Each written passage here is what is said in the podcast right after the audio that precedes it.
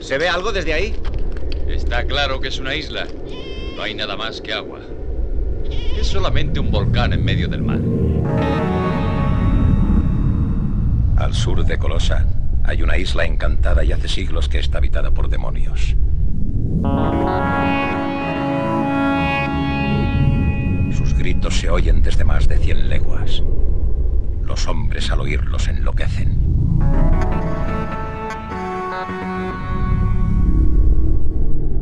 Si es lo que creo que he visto, es el mayor descubrimiento del mundo.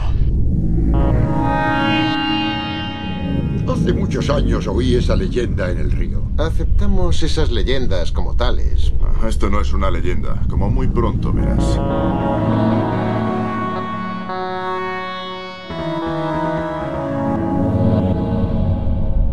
Acabeu d'arribar a l'illa dels monstres, un programa de coordenades variables.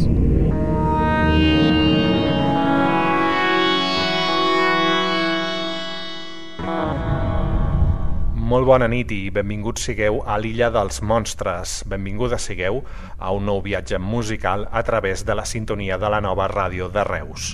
El d'avui és l'últim programa d'aquest 2020, l'últim programa que fem abans del Nadal i ja us asseguro ara que hi ha dues coses que si les aneu buscant no les trobareu pas en la propera hora de ràdio. La primera és que no farem cap repàs dels millors discos de l'any, principalment perquè em fa bastanta mandra, però també perquè ja els hem anat escoltant i comentant aquests darrers mesos i tampoc és plan de fer-nos repetitius. I la segona cosa que no trobareu en el programa d'avui és l'esperit nadalenc. És a dir, no escoltarem Nadales, tampoc cançons contra el Nadal i molt menys música per a l'esperança i per acabar aquest any complicat amb un somriure i una mica de bon rotllo. De fet, avui farem tot el contrari, i és que volem acabar l'any del Tot anirà bé amb un programa més aviat fosc, a estones cru, a estones introspectiu i atmosfèric, i a estones difícil de mastegar. En termes cervesers, podríem dir que avui us servirem birra negra i amarga, no apta per a qui busqui una experiència refrescant.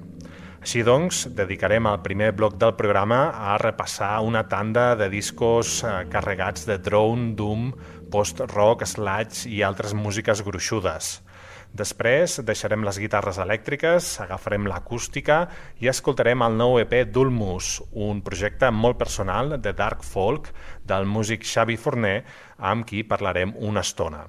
I finalment, com sempre, dedicarem els darrers minuts del programa als nostres territoris d'ultramar. Avui tancarem l'any viatjant fins a l'Orient Mitjà.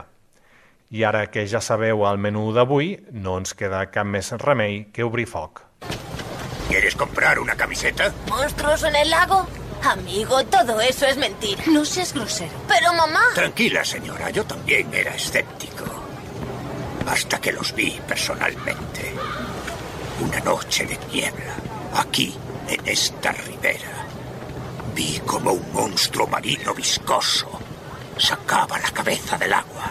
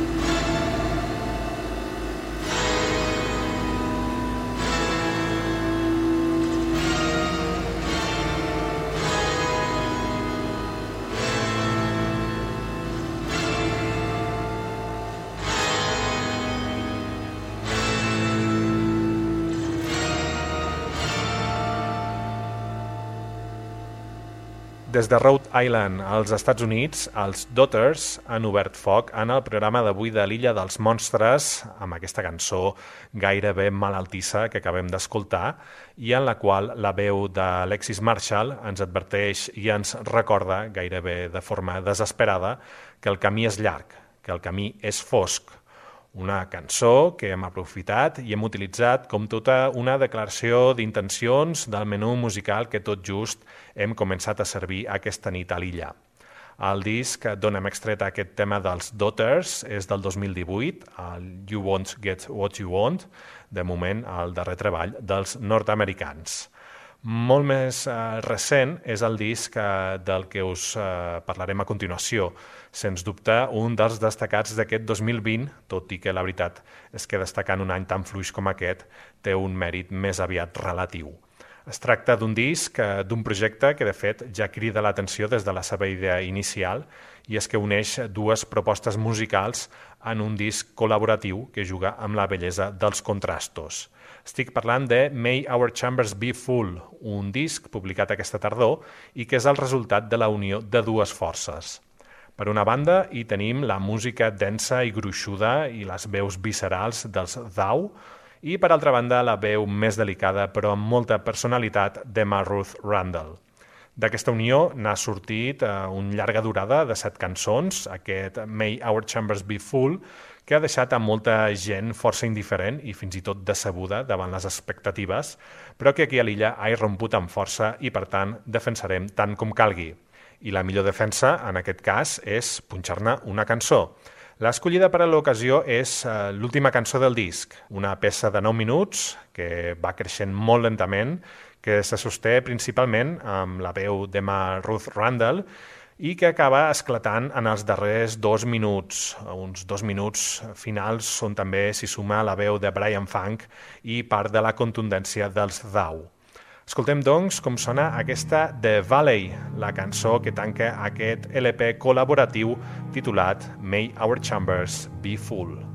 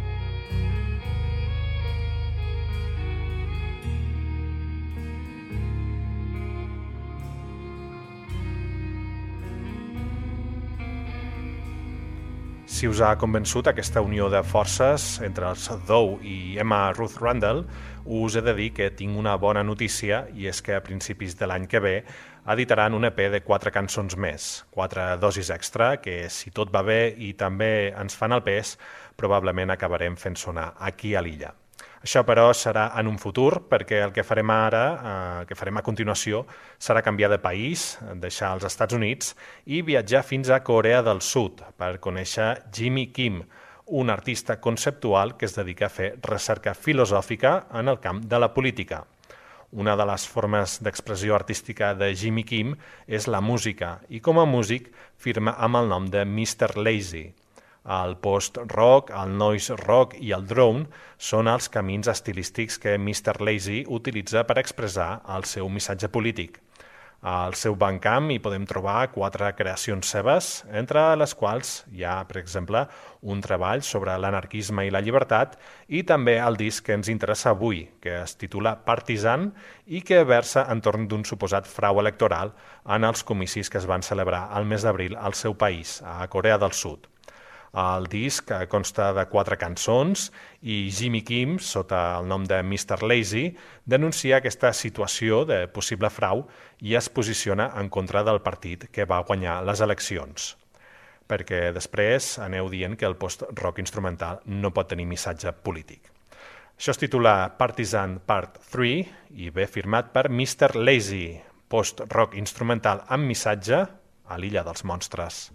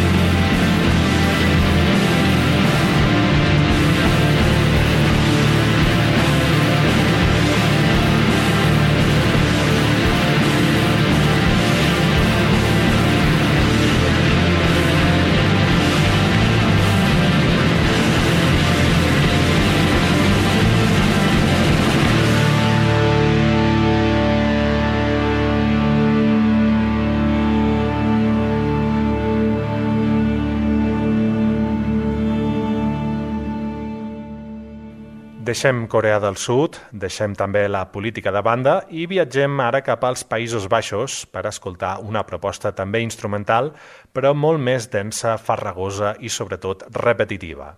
I és que la repetitivitat és la base de Twin Sister, un trio de baix, bateria i teclats a mig camí del post-metal i del doom que a l'abril van publicar el seu primer treball, un debut homònim de cinc cançons llargues que es dediquen a percutir a l'oient amb una cadència eterna. De fet, des del blog especialitzat en música sorollosa Fuzzy Sun, defineixen la proposta com un drone doom amb un ritme molt lent i un caire amenaçador i abrasiu. déu nhi I ara que esteu avisats del que ens espera, escoltem un dels cinc talls d'aquest debut dels Twin Sister.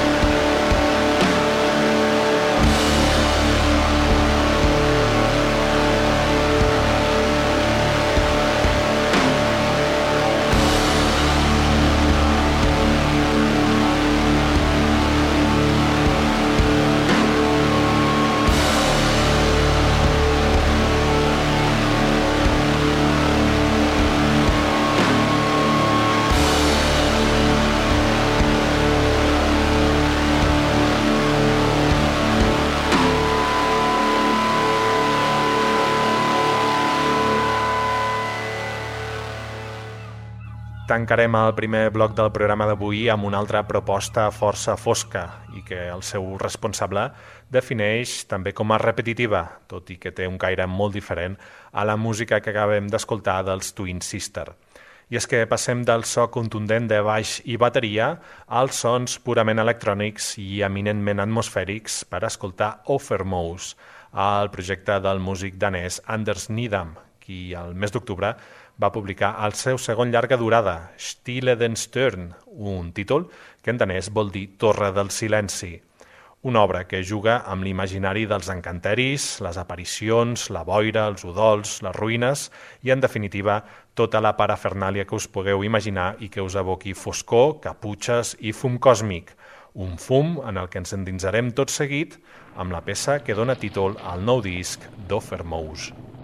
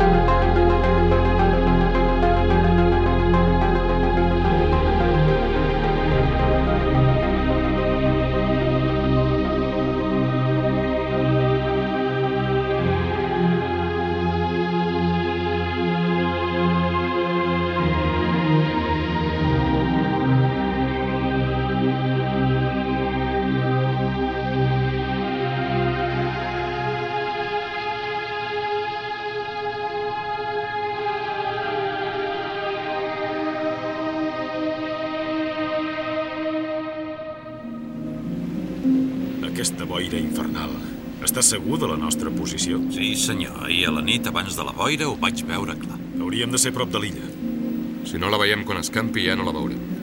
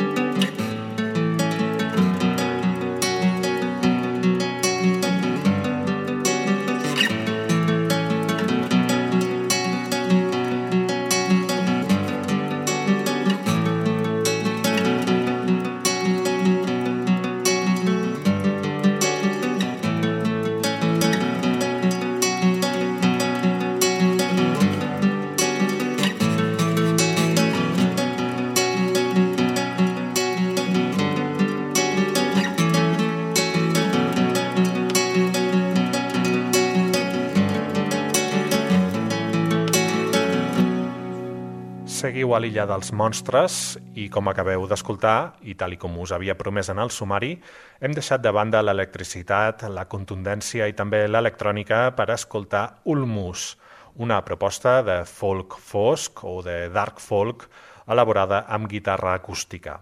I és que fa tot just unes setmanes que Ulmus va publicar el seu segon EP, una petita obra de dues cançons que avui volem analitzar i conèixer una mica més a fons de la mà del seu responsable, el músic Xavi Forner, que és qui hi ha darrere d'Ulmus. Probablement alguns us soni el seu nom, ja que també és la ment creativa d'Error Design, l'estudi de disseny especialitzat en cartelleria de concerts i que ha treballat per una pila de grups d'abast internacional dels que ens agraden aquí a l'illa. A més, en el seu dia va formar part del grup Siberia i actualment és membre d'un altre projecte vinculat amb el post-rock com és Malamar.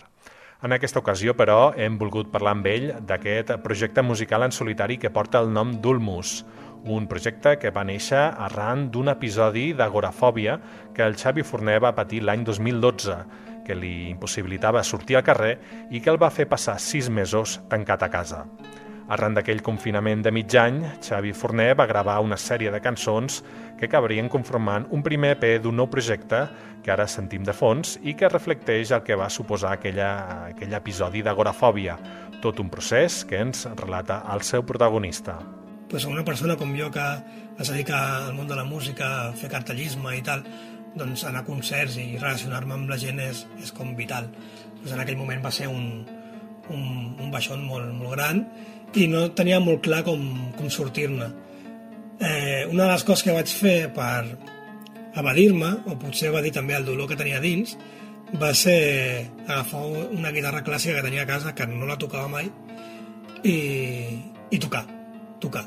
I me sentava al sofà pel matí i tocava. I un dia, pues, al despertar, amb una melodia al cap, mmm, la vaig tocar al sofà de casa, em va agradar molt, em vaig construir un mini, mini estudi, estudi vol dir quatre cartons i el mòbil al mig per gravar com a micro a una, una habitació que tenia totalment buida, per la qual el que és una miqueta a, a l'eco d'aquella sala doncs, a, es va quedar present i vaig començar a gravar aquella línia de guitarra que m'havia agradat. Diguéssim que vaig estar aquell matí fent aquesta cançó i em vaig oblidar per complet de, de la meva situació no? en aquell moment i, i d'aquesta manera eh, vaig pensar que seria molt bo eh, penjar-la per, per saber l'opinió de, de la gent, si, si transmetia algun tipus de dolor, de llum o, o el què. I la gent doncs, em va començar a, a comentar que rebia com una espècie de, de missatge molt fosc, però que alhora eh, tenia molta llum. No? És una miqueta com que jo el que estava expressant era tota l'oscuritat que estava patint,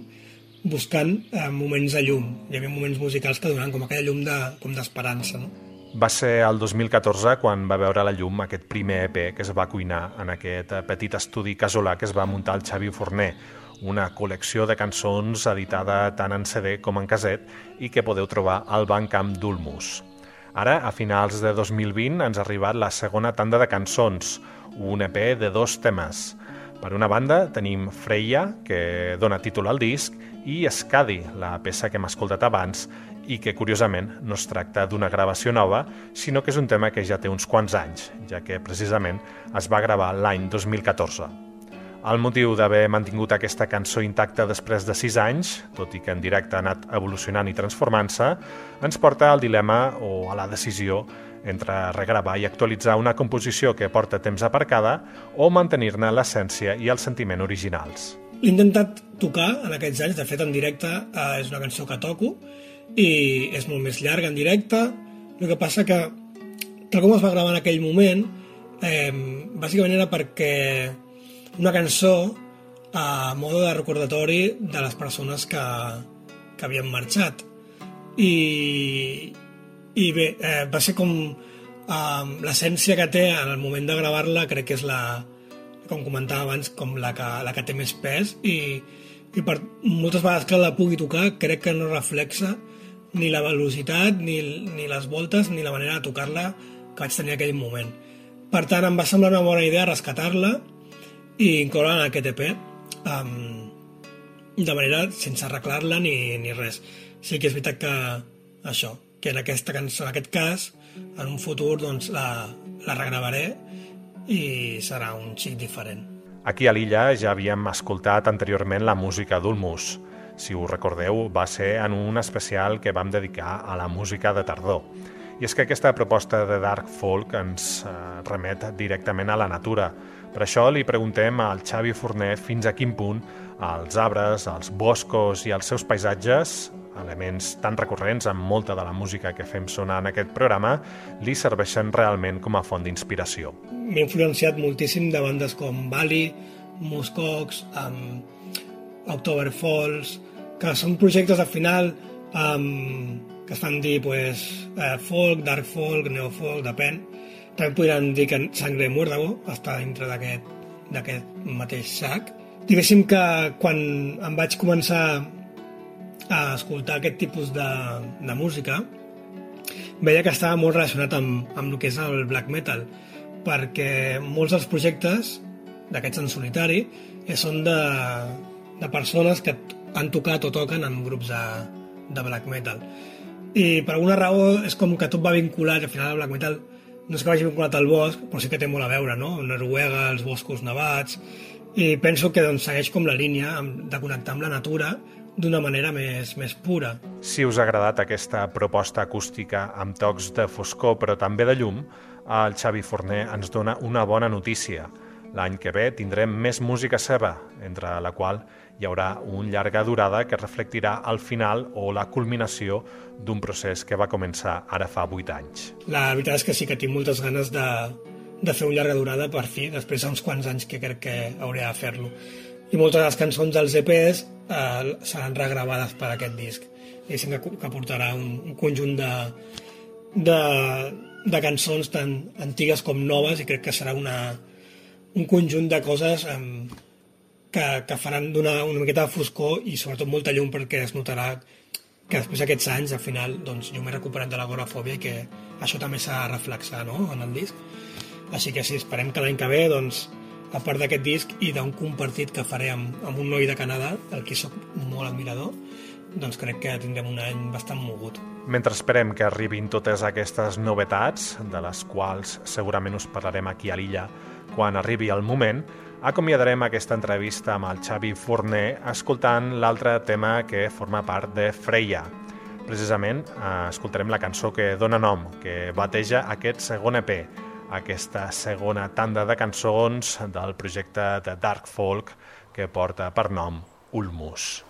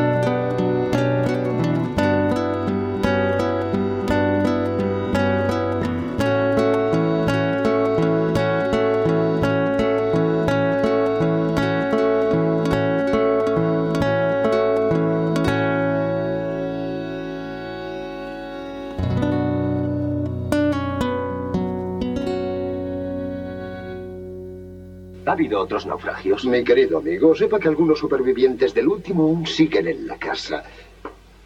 Se diría que la isla está maldita. Eso mismo dijo el capitán.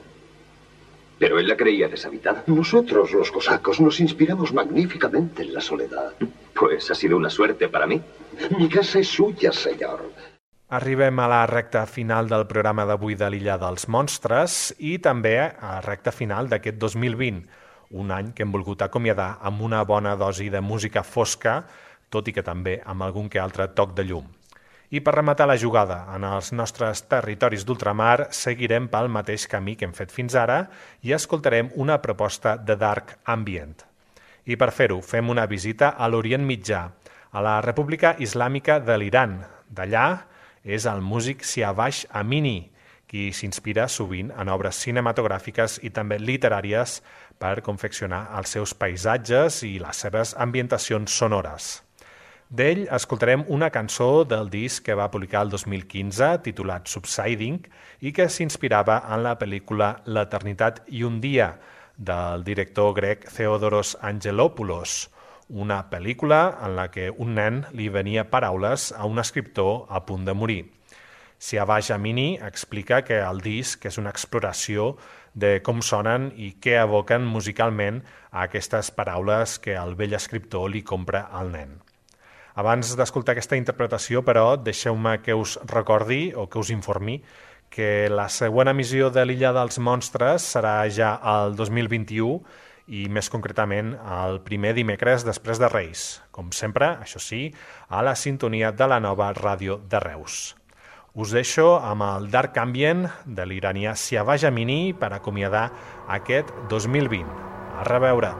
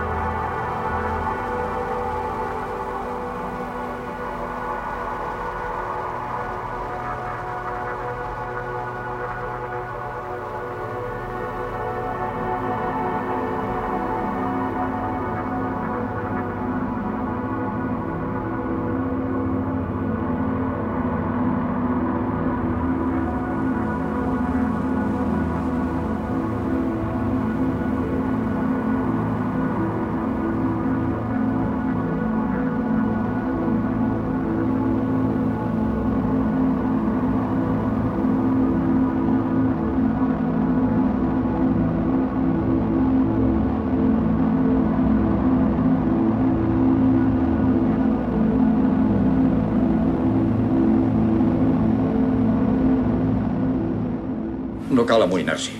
No hi ha cap ésser humà que pugui entendre el missatge. No podem dir el mateix dels habitants de l'illa dels monstres.